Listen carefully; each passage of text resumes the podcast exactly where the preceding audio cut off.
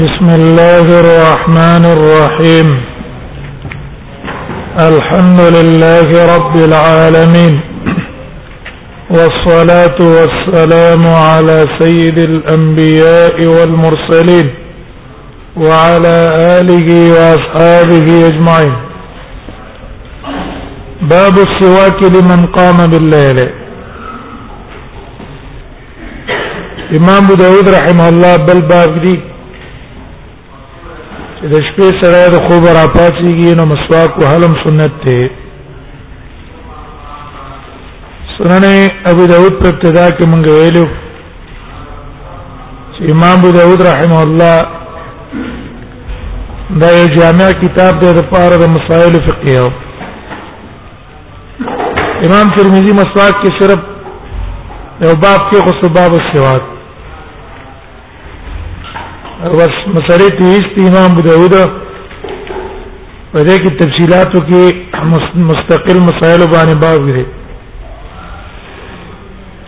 د شپې چې سره د خوب را پاتېږي مسواک سنت ده دا ذکر کوي وبي قال حدثنا محمد بن كثير دا من الليل چې ده من په معنا د پی ده یو سره د شپې د خوب را پاتېدو دا غره پار مسواک سنت ده به قیام مطلق ده برابر خبره ده کپنه د تهجد د خوب را پاتې د شپې او کنا پنه د تهجد نه را پاتې ده اثر را پاتې د پار د او د سماعتي به ته اراده و د کېدو په دغه ټیم کې مسواک وو نو په دغه ټیم کې مسواک وهل د لپاره مستحب دی او په دې ټیم کې مسواک وهل مستحب ذکر دی چې د خوب د وجه نه د انسان په خله کې د خله په خوان کې تغییر او تبدیلی راځي دغه مېدینا بخارات خيږي خله طرف ته دا غیر وجه نه په خله کې بدبوې راځي مسواک استعمال کا د دې لپاره چې صفائی پکې راشي د علما وايي د دین دا مسله معلومه کړې ده هر اغزه چې پای کې احتمالي د بدبوې د خله نو هغه د پاره مسواک استعمالول پکار دي اذرن چپ کې نه استوړې خبرې ډېرې وکړې یا دا چې او خړو چې هغه بدبوې شي او دا هغه د وجنه د خلینو بدبوې خطلا بیا دا هغه د پاره مسواک او هل مستحب دي علماء دې څنګه دا خبر رښتره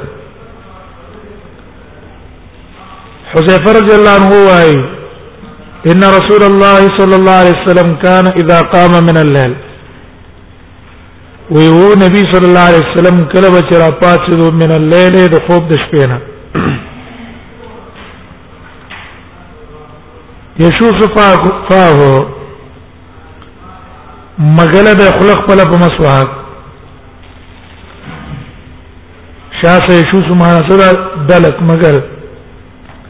او به مګل خلق پلا د سوا کې په مسواک رسول الله صلی الله علیه وسلم دا کار ولې کړه د کې یو حکمت ته تعلیما للامه غرض د نبی سلام په کې مخ امت ته تعلیم ورکولو تاسو د خوب را پاتې کې مسواک وویل د پاره چې بدبوی د خلم ختم شي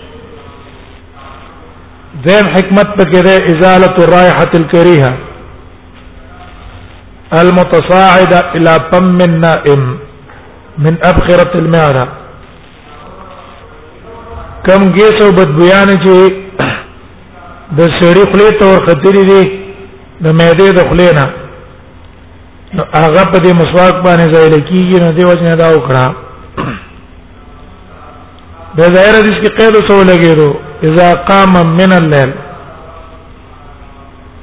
ظاهر لفظ د قیام نه معلومیږي دلته نبی صلی الله علیه وسلم تعلق د حکم په مجرد قیام کو اذا قام را پا بچي دو د خوب د شپې نه دا تعلق په مجرد قیام دا شامل د ټول احوالو ته ک نبی صلی الله علیه وسلم به خوب را پاتېدو په نیت د مانځم مسواک به و او که په نیت د مانځه به نه را پاتېدو مسواک به و دا عموم د دې نه معلوم شو دویم د عموم تایید دا خبرم کوي چې غرض په مسواک کې نظافت ده غرض په مسواک وهلو کې نظافت ده او دا نظافت مطلوب ده په هر حالت کې کومنس کې او کنه کې د خلی صفائی بکې حکم روایتونو کې چې قید د تهجد راغلي اذا قام يتهجد ندا د باب تخصیص نه نه بلکې دا من باب الحكم على بعض افراد العام من باب الحكم على بعض افراد العام عام ډیر افرادی تر اولګي دا غي په بعض افراد باندې حکم وکي غته مراد ده او دې کې تخصیص او تعقیب غرض نه ده دا به غرض نه ده یا یتهجد قید کې لګیدل دی نو دا جاری ده په غالب د احوالو د نبی صلی الله علیه وسلم دا تفسیر ده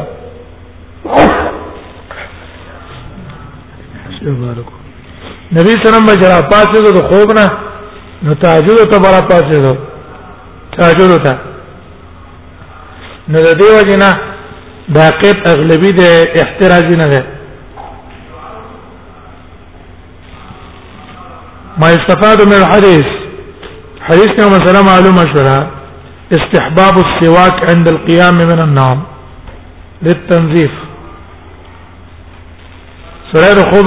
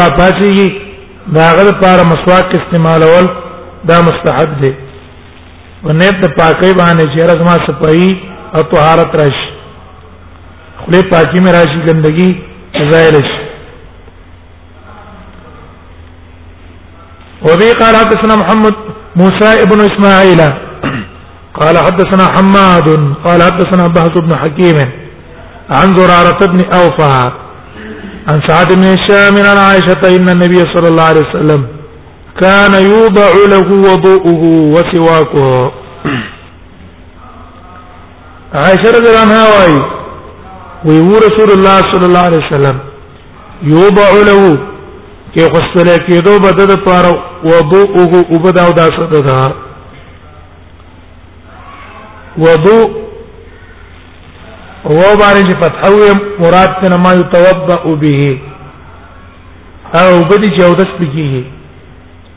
او چې کله په و باندې زمو یو قودو مراد تنا فعل او دس ته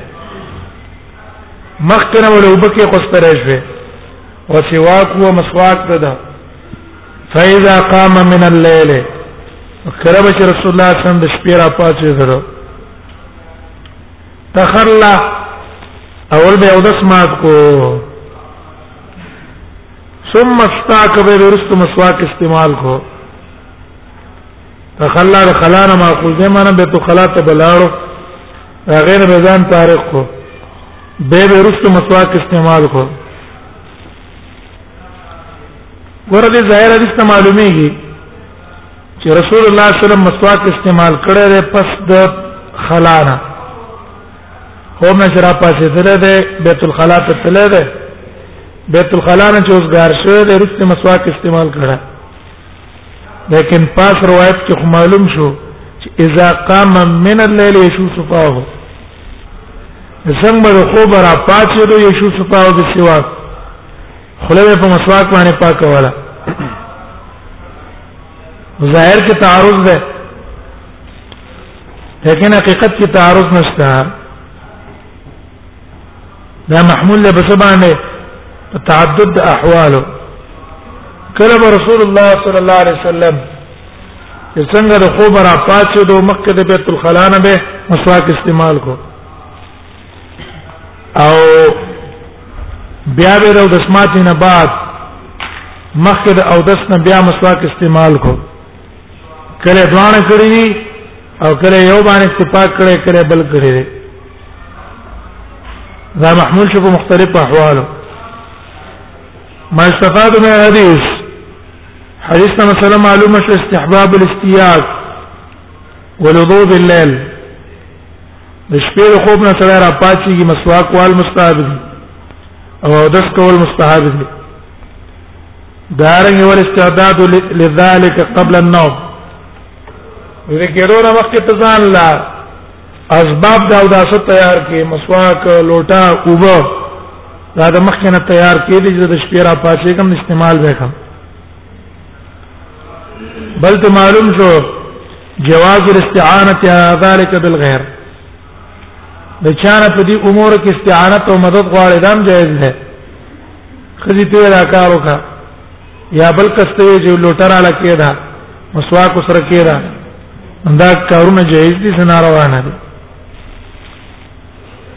وبي قال حدثنا محمد بن كثير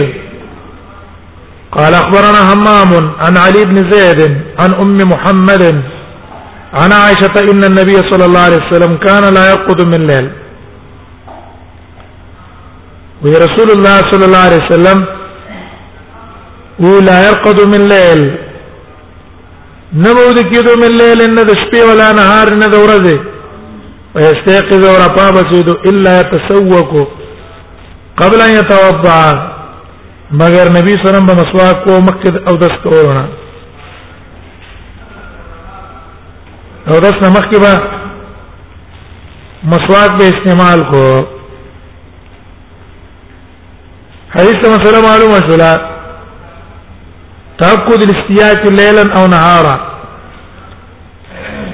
د شپې د خوب را پاتې دي که د ورځې د خوب را پاتې دي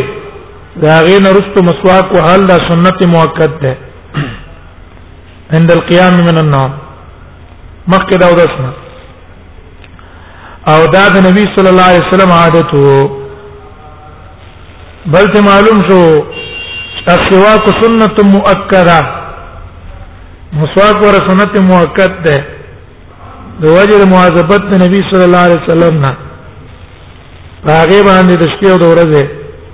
رسول الله صلی الله علیه وسلم په دې باندې دوام کړی مواظبت او مشګری کړی را نو دې وجه نه دا سنت موقت شو راته معلوم شو وبي قال سنة محمد بن عيسى قال حدثنا وشيم قال اخبرنا حسين حسين عن حبيب بن ابي ثابت عن محمد بن علي بن عبد الله بن عباس عن ابيه عبد الله بن عباس روایت نقل کړی د خپل پلار نه بل پلار نه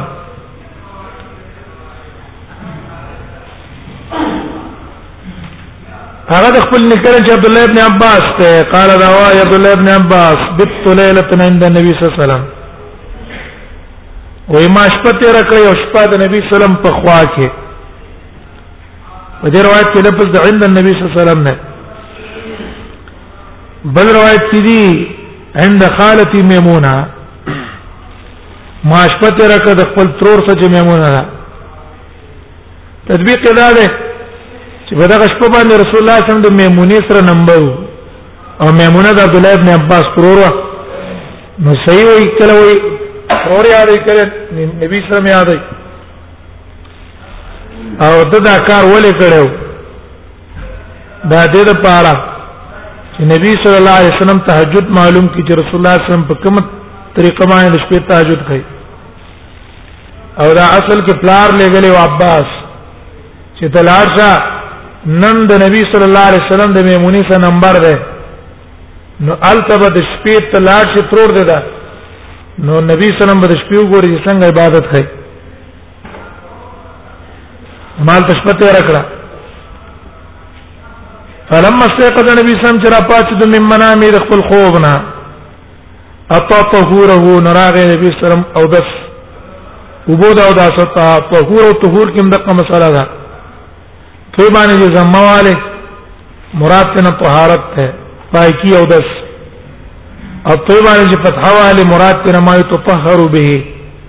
هغه شی چې پاګې باندې پاکي حاصلېږي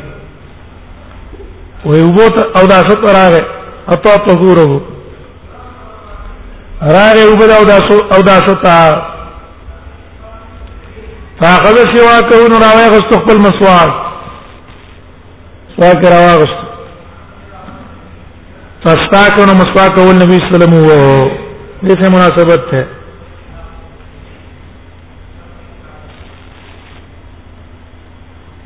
هغه مسواک وو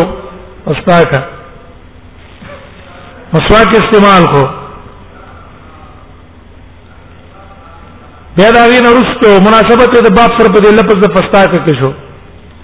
ثم تلا هذه الايات بیا نبی سم دا آیاتونه ولستل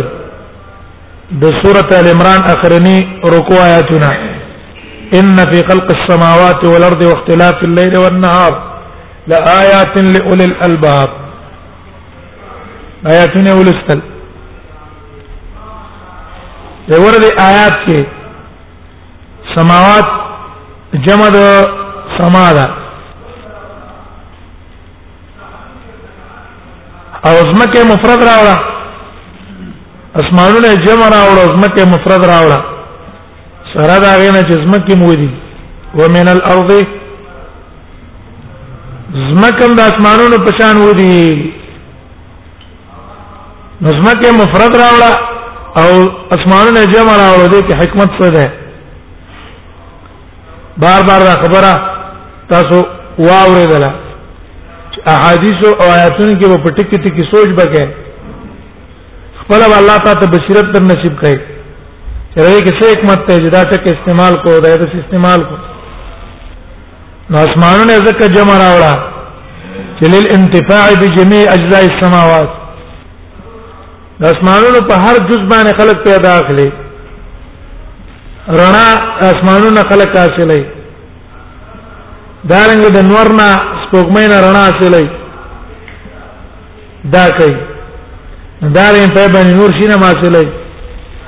اسمان په هر جز باندې پیدا ده په خلاف د زمکه زمکه پاسنی طبقه نه موږ صرف پیدا اخلو نورونه نه اخلو یا د دې د وجنا چې اسمانونه هر طبقه د بل طبقه نه جدا ده یو اسمان او د بل اسمان په منځ کې 1500 کاله مزل ده په خلاف د زمکه زمکه یو بل سره متصله ده پر راجح قول دا متصله ده اگر که بعض علما قول کړي چې دام یو بل نه جدا ده او په هر طبقه کې یو نوع د مخلوقات ده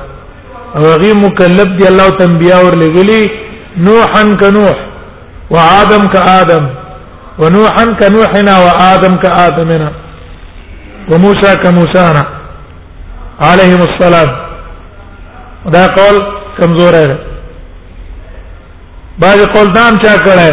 چې یاجوج ماجوج نه د زمکه کړي حتی اذا فتحت زمکه به تیرا کلاوه شي او په زمکه باندې براش نو خو یاجوج ماجوج خو ظاهر ته پتن لګي چرته دي بنچوي دي دا انواع چې هغه کوم راځي چې د شکل له فلان نه دا خود موږ نه نو موږ نه نو ودا لاندې چا به دا قول هم کوي یاجوج ماجوج په کومه سره کې راوتلی کنه تا پارن یاجوج ماجوج یاجوج ماجوج څه شي ویلي دا راوتلی دي شپږمه سره کې تیر شي التحرير والنحرير على ابن عاشور والا او نور ډېر مفسرین دې له ترجیح ور کړی چې دا تاتاریانو دی وڅ کوي راځي پسمه کې فساد کې او فسادونه کړي د دې وجه نه مفرد راوړه او هغه جمع راوړه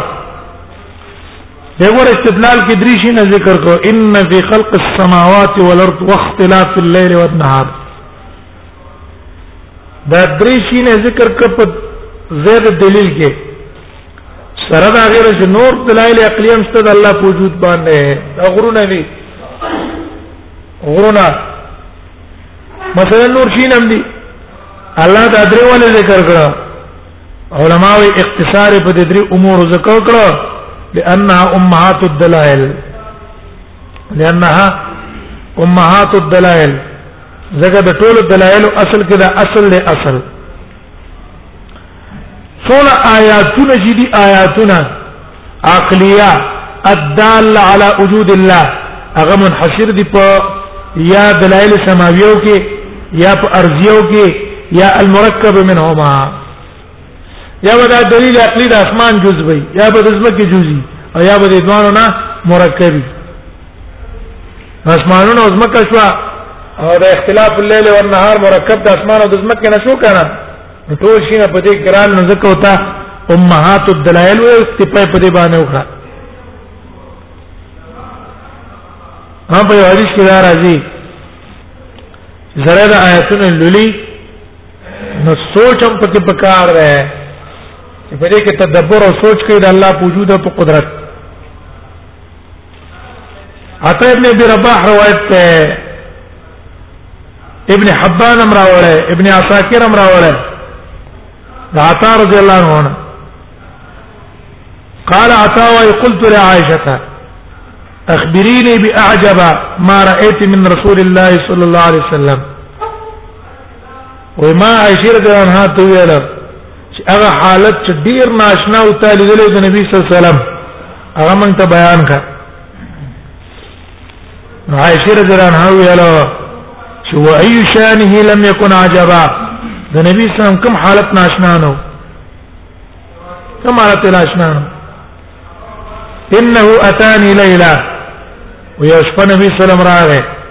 او ما سره ما په بلستان کې رانه وته فدخل معي في لحافي بلستان کې رانه وته وی بیا راته ویل زرینی اتعبد لربی ما پرې د خپل رب عبادت وکړ نو پاتې دو او دسه وکړل او ثم قام يصلي او پاتې دو مونږه کاو کاو وی جل فبكى حتى سالت دموعه على صدره دونه اوجل چې دا وکړي د نبی سم په سینه باندې لاندې راغلی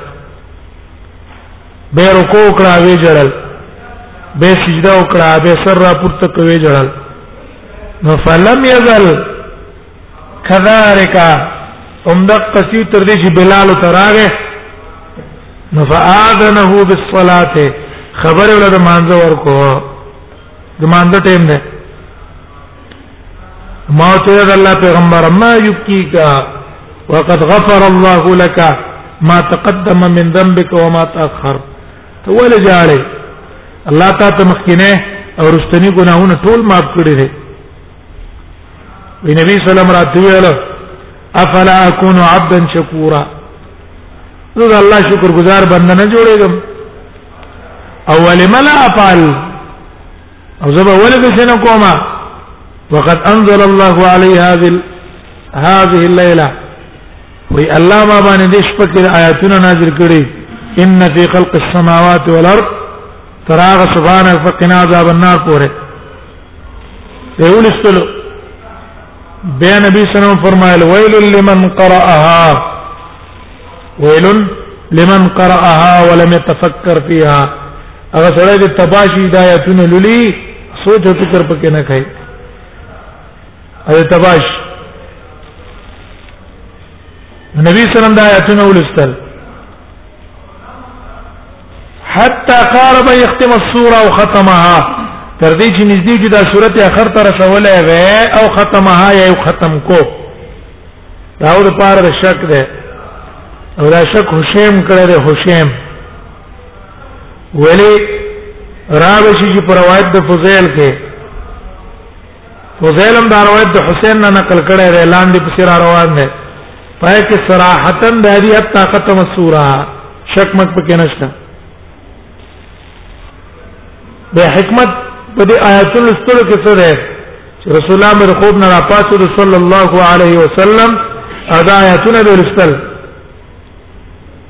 نو په دې کې حکمت دا ده چې په دې کې ډېر غټ غټ دلایل دي غټ غټ دلایل دي دا الله په معرفت او په قدرت هغه چا د پاره چې په دې اسمانونو او زمکو کې څوګړو تدبر او سوچ کو او معلومات ته او معنا باندې ځان پی کو نو د الله د وجود او د قدرت په پوره دلایل ته معلوم شي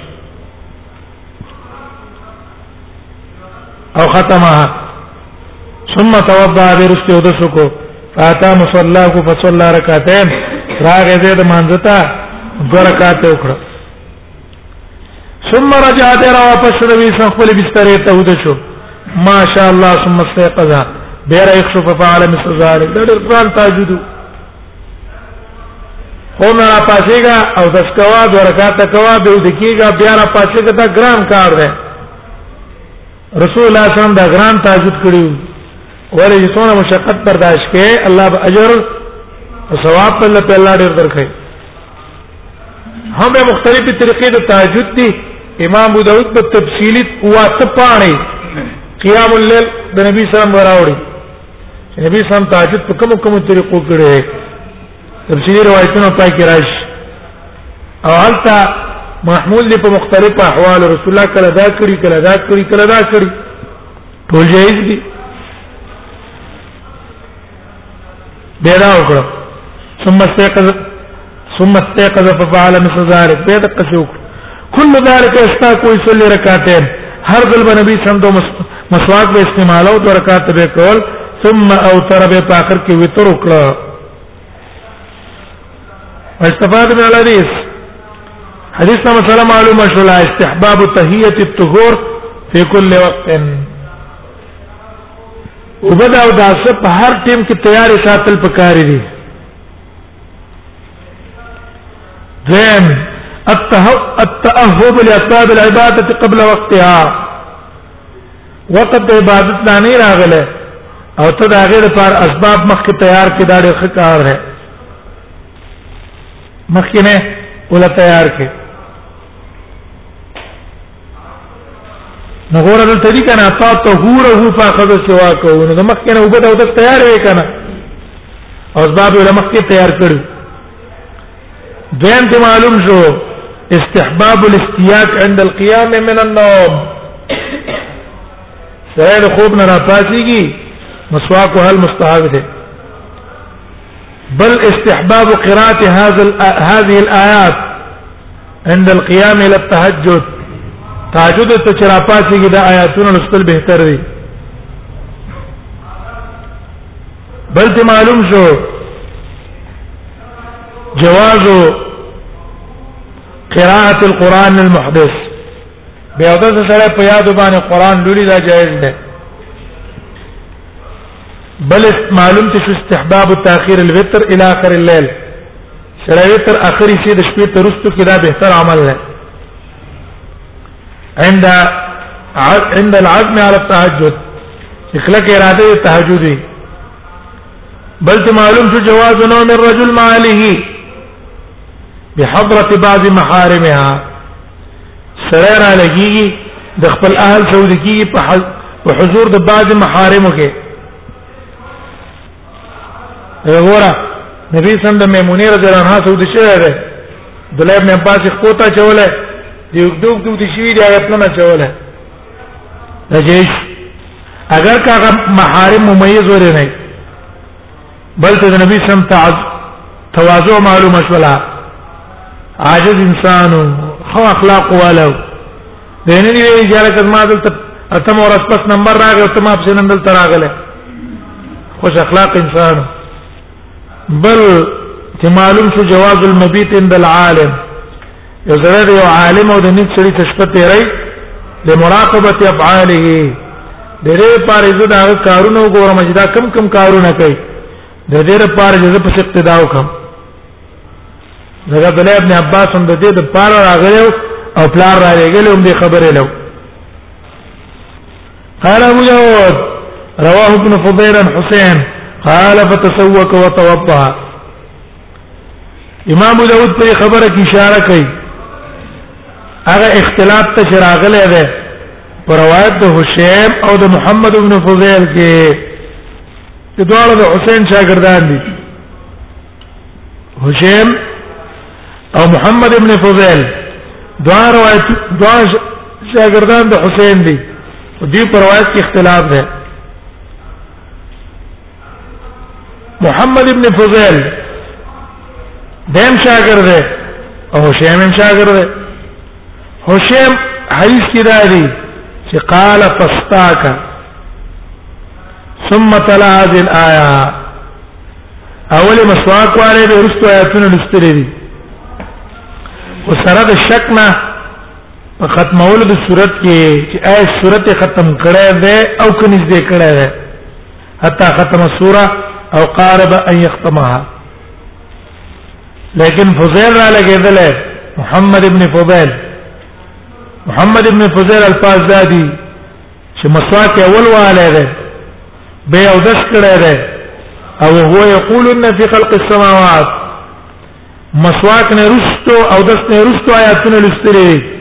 او پای کې دي ختم السوره سورته بالکل ختم کړه تو ګورئ قال ابو داود رواه ابن فضيل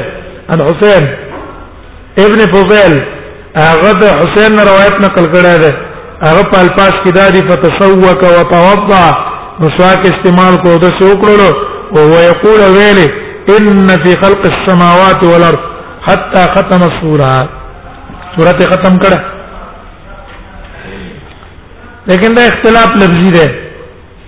موزر نه دی ویلته روایت د حدیث بالمعنا وي او روایت د حدیث بالمعنا دا جائز دی په نسبت علماء باب باب ده چا پاتې کړي باب السواک لمن دخل البيت مسواک سنت ته چې سره کور ترانه نه وځي کور ته چې راتلې نو کور ته راتلو ټیم کې مسواک سنت ته دا ذکر کوي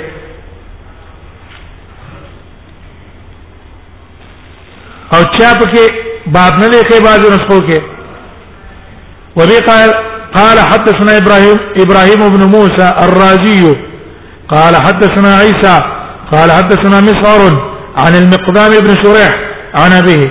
قال قلت لعائشة مقدام ابن شريح د خپل پلار نه روایت کوي چې شريح ده دا وی ما عائشه رضی الله عنها ته ویله بأي شيء كان يبدأ رسول الله صلى الله عليه وسلم وې په کوم شي به رسول الله صلی الله علیه وسلم شروع کولا اذا دخل بيته کورته بچراغه کورته بچرانه وته رسول الله صلی الله علیه وسلم کوم یو خبر باندې شروع کولا قالت في السواك عاشر جران هاول په مسواک کور ته بچران نو ته اول پر رسول الله مسواک کو اذا دخل بيته کله اول ترجمه الباب څه واله انا باب سره کې نه دی باب السواک لمن قام بالليل دا غیسه مناسبت واره نو دا غي سره مناسبت ته په دې طریقې ده چې ګوره د نبی صلی الله علیه وسلم طریقه دا و چې کله به کور تر نه وته مسواک به و او دارا نه وتل د کور تا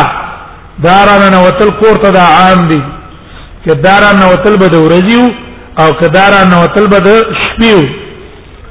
او کله هم چې رسول الله صلی الله علیه وسلم کور ته نه وتلو مسواک به و کله هم چې رسول الله صم کور تر نه وته مسواک به و نو دینه دا معلومه شولا چې د شپیم کله کور ته تن نوځي اگر که د خوب نه راوت را پاتې دله او یا د کور نه راوتلې بیا نه نوځي مسواک به او کدا ترجمه الباب کې دې په ښکارا مناسبت ده ترجمه الباب کې دې په مناسبت ښکارا ده په دې کې حکمت څه ده چې رسول الله صلی الله علیه وسلم کلم کور ته نه وته مسواک استعمال او دې کې حکمت دا ده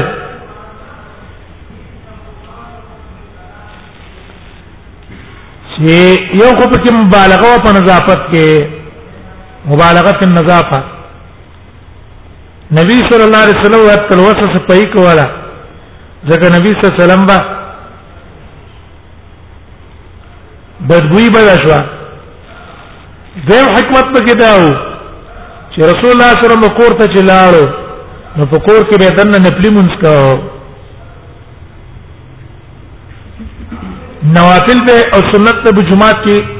نه کول کله کله جمعات کې کړی سر به کور ته وړ چې کور ته باندې وته مونږ به کاو نو دیو جن رسول الله صلی الله علیه وسلم مسواک استعمال کړه درې حکمت په کې علما وایي تعلیما للامه نبی سم امت ته تعلیم ورکړي چې سپای له ساتي او لحسن معاشره الاهل او نبی سلام دام کوي چې ګوره د خپل قصه به خجون تیرې اسنه چې د خپل بوی دې بچي د خلکو سره د خبرو کولو ټیم کې یا چپ دې پاتې شوی دا غي د وجه د خلی بدبوی پکې پیدا شي نو تعالی په کار دادی چې کور ته نو ځان پاک کا ته چې څنګه خزه پاک ساتي دا دې لري چې لازم خزه پاک او بدبوی دې دا غي نه محسوسيږي دقه تم پاک ځان ساته ولا ابن عباس واي واني لا احب ان اتزين لها وزه دا خو ګړم چې خپل خزه ته ځان ډوري کم کما احب لکه ما چې څنګه خوخه چې ما ته خزه ځان ډولېږي رسول الله صلی الله علیه وسلم بده دې لحاظ ساتو ځکه دا کار کړه ما استفاد من الحديث حدیث معلوم شو دا خبره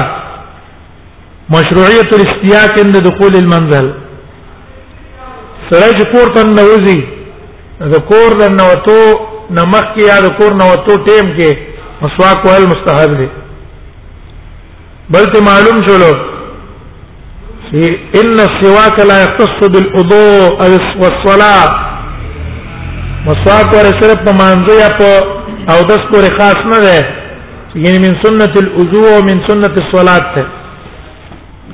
بلکې دا من سنت الدين ده کوته چې نوځه مسواک بموي ځکه لئن لئن دخول البيت لا يختص بوقت دون وقت کوته نه وتل په یو وخت او بل وخت پورې خاص نه دی دیو جن امام نسائی رحمه الله د حدیث د پاره ترجمه الباب کې خیره باب باب السواک فی کل حين باب بیان دې کې چې مسواک هر وخت دا سنت ده باب فرض لزو باب بیان فرض دا او دس کې فرض لزو معنا څه ده په بیان د هغه امور کې في ذکر ما يدل على فرضيه الوضوء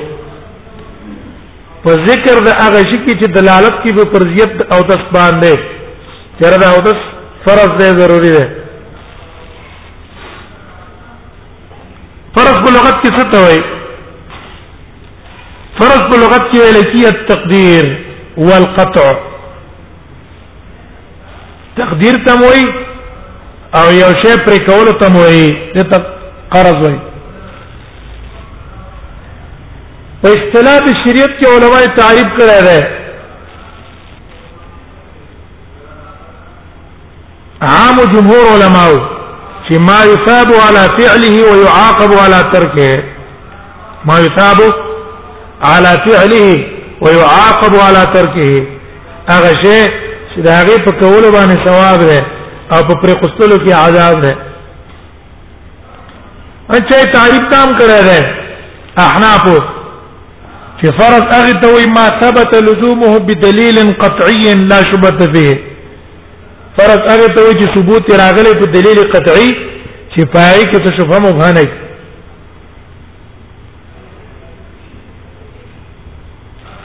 دا واجب اصطلاح ده د جمهور علماء په نسبت باندې فرض او واجب یو شی دی ها احناف په نسبت باندې فرض جدا دی واجب جدا دی لیکن دا دوه د احناف او د جمهور په منځ کې لږ صورتونه کې اختلاف ته نور لزا لفظي ده په دې کې دوه متفق دي چې د واجب په کولو او د فرض په کولو باندې یصاب او يعاقب ولا ترک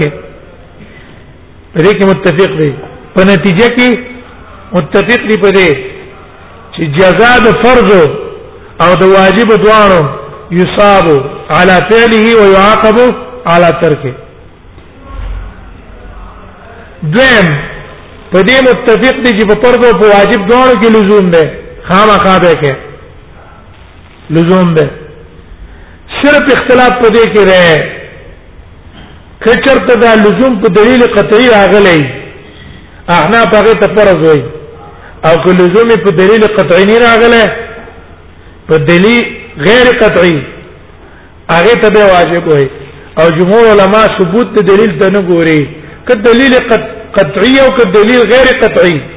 خو چې لزوم پکې هغه ته فرض ویل کیږي دا په اصطلاح اصطلاح کې شو الوضو وضو کله مخکې ویل چې په ذمه باندې واخلې اسم للفعل معنا مصدری دا نوم دی د پاره د فعل او دس مخلاص انزل سرمسه کول دته اودو وي او که فتح والی وضو په فتح باندې به اوبو ته ویل کیږي اوبو ما يتوضا به هغه شی چې پاګې باندې او دس کې دی شي او خضوع اصل کې ماخوذ ده د وضع د وضاعتنا وضع لکی الحسن والنظافه خاص ته وي پاکي ته وي او په اصطلاح شریعت کې او دست ته وي غسل ومسح اعضاء مخصوصه على وجه مخصوص غسل ومسح اعضاء مخصوصه على وجه مخصوص دا د باج اندامونو انزل او د باج اندامونو مسکول د مخصوص اندامونو انزل او مسکول په یو خاص طریقه دې ته لګي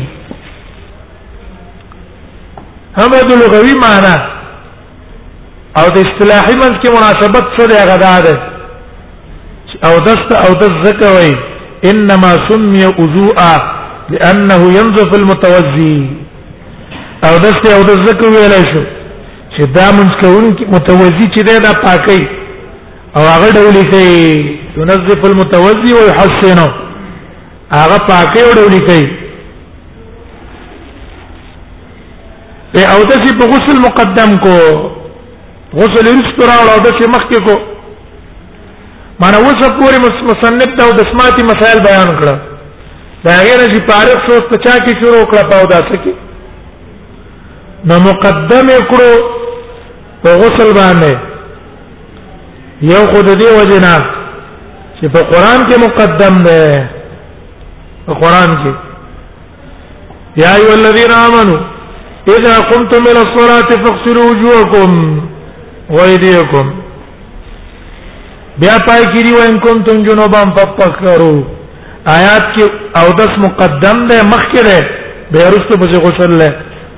نو مصنف رحم الله هم د قران د تابعداري د وجنه په طریقه باندې لاړو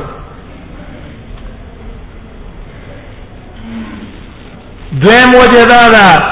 لکثرت وقوعه او داس ډیر واقع کی په نسبت د غسل غسل سره کله کله په سړي باندې لازمي او او داس په ورځ کې ارو سړي باندې لازمي نو د وجه د کثرت وقوع د هغه د وجه د مقدم کو اوس مصنف وایي چې او د فرض ده شرط ته لپاره د صحت د صلات شرط ته لپاره د صحت د صلات او ترمذی کې باب کې او باب مفتاح الصلات او الطهور چې دا کنجی دا شرط ته نو اوس مصنف هم شرطیت او فرضیت ثابت دی وبي قال سنا مسلم ابراهيم قال سنا شعبه عن قتاده عن ابي المليح عن ابيه دا ابي المليح نه روایت ته هغه خپل پلان نه روایت کوي دا ابي المليح پلار څوک دی اسامه ابن عمر اسامه ابن عمر ابن عامر الهذلي البصري امام بخاري له صحبه او د د روایتونه صرف په سننو کې دي صرف په سننو کې امام احمد ولا روایت نقل کړي ابو عوانه ابن خزیمه حاکم ابن حجر په لشابه کې وایي چې لم يروي عنه الا ولده او خلاصه کې وایي چې دغه صرف وو احادیث ټول نقل لې صرف زامنو تر روایت نقل کړي او ټول تی ور روایتونه نقل لې بس دیوای قال رسول الله صلی الله علیه وسلم وی نبی صلی الله علیه وسلم فرمایلی لا يقبل الله صدقه من غلول ولا صلاه بغیر طهور نه قبل الله پاک لا يقبل معنا سره لا يصيب ثواب ته نه ورکه بلکې عذاب ته ورکه عذاب لتصرفه في ملك الغير بدون اذن شرعي زګه د تصرف کولو په اذن د غیر کې په غیر په تصرف د غیر کې په غیر د اذن شرعي نه شریعت په اجازه نه ورکړي او دا را اولوي روپا کې تصرف وکړو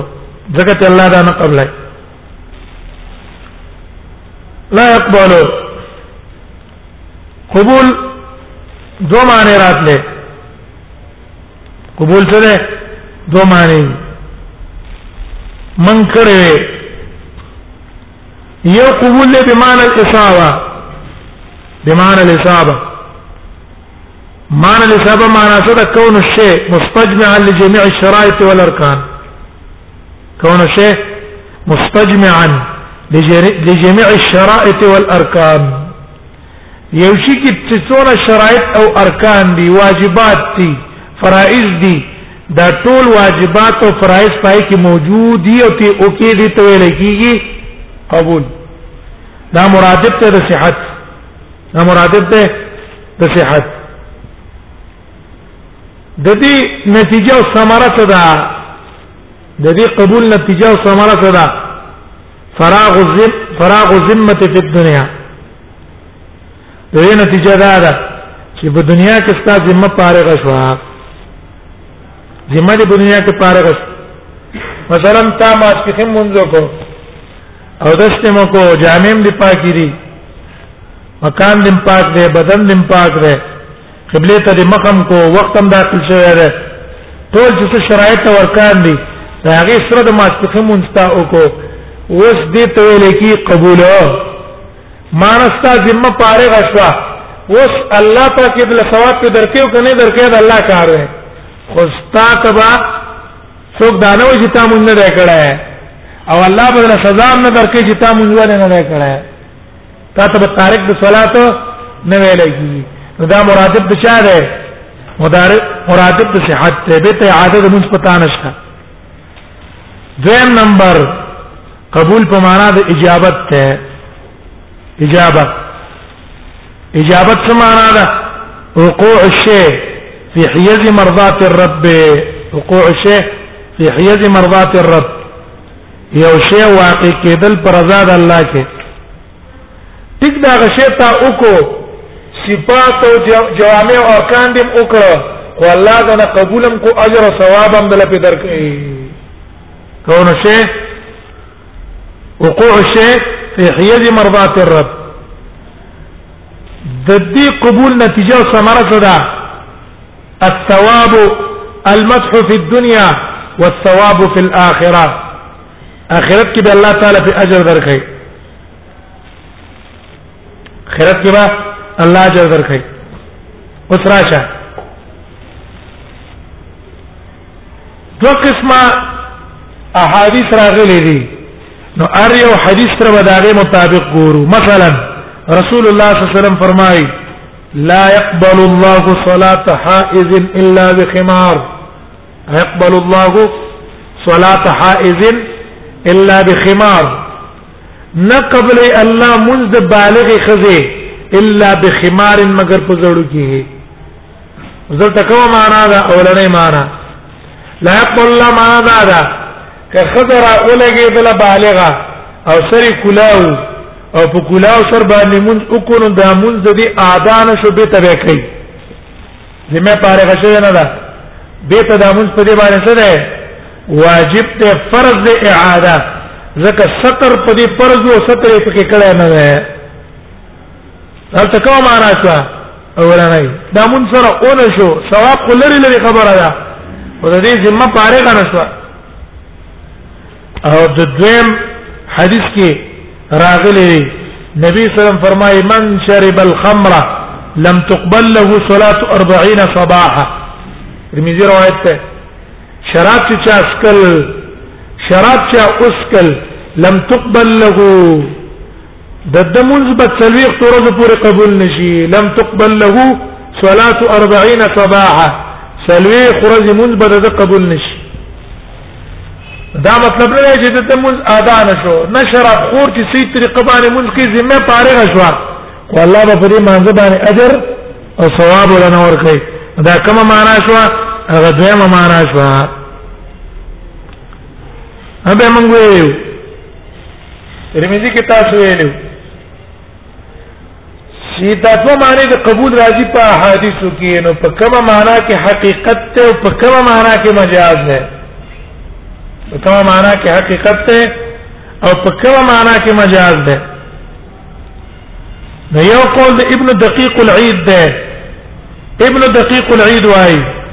چې دا مشترک دی د دوه په منځ کې دوه معنا کې حقیقت ده لکه لفظ د عین جاسوس تم وای ګوړې تم وای نور سترګې تم وای چینې تم وای دې ټول باندې اطلاق حقیقتا ده کنه لفظ مشترک ده دقه چې دا لفظ د قبول دا مشترک دی په دوانو کې دوانو کې مشترک دی بمعنى الاصابه بمعنى الاجابه ذم قول د حافظ ابن حجر رحمه الله ده حافظ ابن حجر وايي وی قبول حقیقت ته په معنا د اجابت کې او مجاز له په معنا د اصابت کې چرته چې لفظ د قبول یا لا يقبلو راغې موږ به معنا د دې کو چې الله په ثواب نه ورکي ثواب الله په ثواب ورکي ثواب په نه ورکي به معنا ده او لا يقبلو دا معنا مجازي ده چې لا يقبلو دا مونږه اذان شو سین شو په پی شوي حقيقي معنی څه ده نبی اجابت ته لا يقبلو دا منځ بشي وي او ثواب ته الله ته نور کوي او مجازي معنی هغه دا د لا يقبلو چې دا منځ سي نه شو نو معنا د اصابت مجاز ده او معنا د اجابت حقیقت ده معنا د اصابت مجاز او معنا د حقیقت دغه معنا د اجابت حقیقت دا داغه قول ده دویم قول علماء ده شبیر احمد عثماني رحمه الله د شرع د مسلم کې غوړه کړه چې نه لا يقبلو حقیقت ته په اصابت کې مجاز دی په اجابت کې شرط چې لفظ د لا يقبلو راشي د لا يقبلو معنا بدای چې دا مونږ سي نشو لا يقبلو معنا څه ده دا مونږ سي نشو سي ذمہ پاره غنه شو او چې کوم ځای کې موږ معنا کوو د څه د اجابت نو د قرینه د وجنه به معنا د اجابت کو چې ذمہ پاره غدا والله ته په ثواب نه ور کوي اوس راشه ابن دقیق العید باندې دلته کومه معنا ده دلته معنا د اتفاق سره په معنا د اصابت ته لا يقبل الله به او د سمون سره کیږي نه ادا کیږي نه چا چې د مونږ کو به او د څه د مونږ ادا کیږي نه نو څه چا شو نه پیدا اصابت تھا ذمہ سر پاره کنه شوبې ته به راګرځي نفي په اتفاق باندې د معنا د اصابت تھا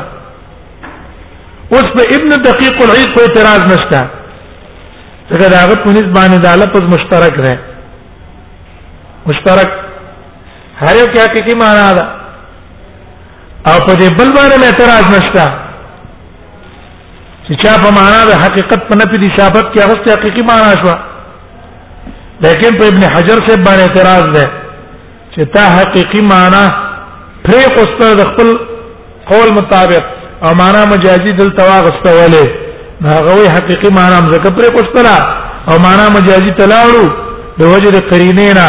چې او د شرط د پاره د صحت د صلات نو دا قرینه د وجه نه اجماع د علماو د وجه نه موږ دلته لا یقبلو په معنا د څو کړلو په معنا د صحت چې دا مون سره صحیح نه ده مون صحیح نه ده اگر رسو راضي چې الله مون نه قبل وي دا اختلاف د علماء په منځ کې چې دا پڅ کې ده قبول په کومه معنا ده دا دوه قول شو څوک یو کې وای څوک بل کې وای لا لا يقبل الله وان قبل الله پاک صدقه من غلول صدقه مال حرامنا صدقه څه ته وایي صدقه ویل کیږي هر اغمال هر اغمال اصل کې ویل کی هر اغه عطیه ته صدقه ویل کی هر اغه عطیه یرید بها صاحبها الثواب چې صاحب دغه اراده په ثواب چې مال په الله جره کی اجر پر راکی بیا صدقه النکره ده په سیاق د نفي کې راغله معنی څه ده عموم که پرځي صدقه او که نفلي صدقه الله نه قبل من غلول د حرام مال نه غلول اصل کې لکی غنیمت نشړې غلاو کې مخکې د تقسیم نه او د اغلا ته غلوت زکه وای چې د دې غل سړي لاس الته دلته تړل کیږي نو دیو جو ته غلول وای بیا د بیا د صدق د صدقینا غلولنا مطلق مال حرام مراد ده چې ته د چانه په حق باندې والے برابر خبره کغلا په ذریعہ غستی کله رشوت په ذریعہ راغستی او کله بل طریقه باندې راغستی د ټولو ته دا شامل لې دا بناله دا حرام دی دا باندې استعمال دی په هر طریقه چې تا واغستو هغه ته شامل شو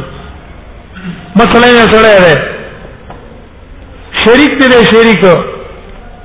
شریک داغه په نا خبره کې تر لګيږي داغه مال صدقه کې بغیر د اجازه داغه نه دکان باندې تم شریک زم شریک استاد اجازه درا لګيږي ما صدقه ته ور کوم دې مال نه د الله نه قبلای دارنګي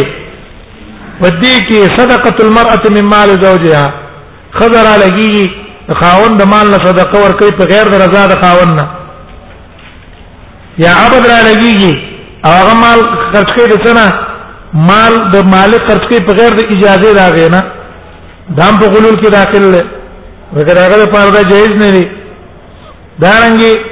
وکیل را لګیږي د مال د موکل نه لګي هغه بغیر د اجازه دا غنه دام پکې داخل دی وغیر ذلک نو الله دغه مال د حرامه مال نه قبلای ولا صدقه من غلول او نه قبلې صدقه من غلول د حرام مال نه ولا صلات او نه قبلې الله پاک منځه ولا صلاه بغیر طهور انا قبل منز بغیر طهور بغیر طهارت نه چې طهارت نه غیر د طهارت نه الله لا منز نه قبلې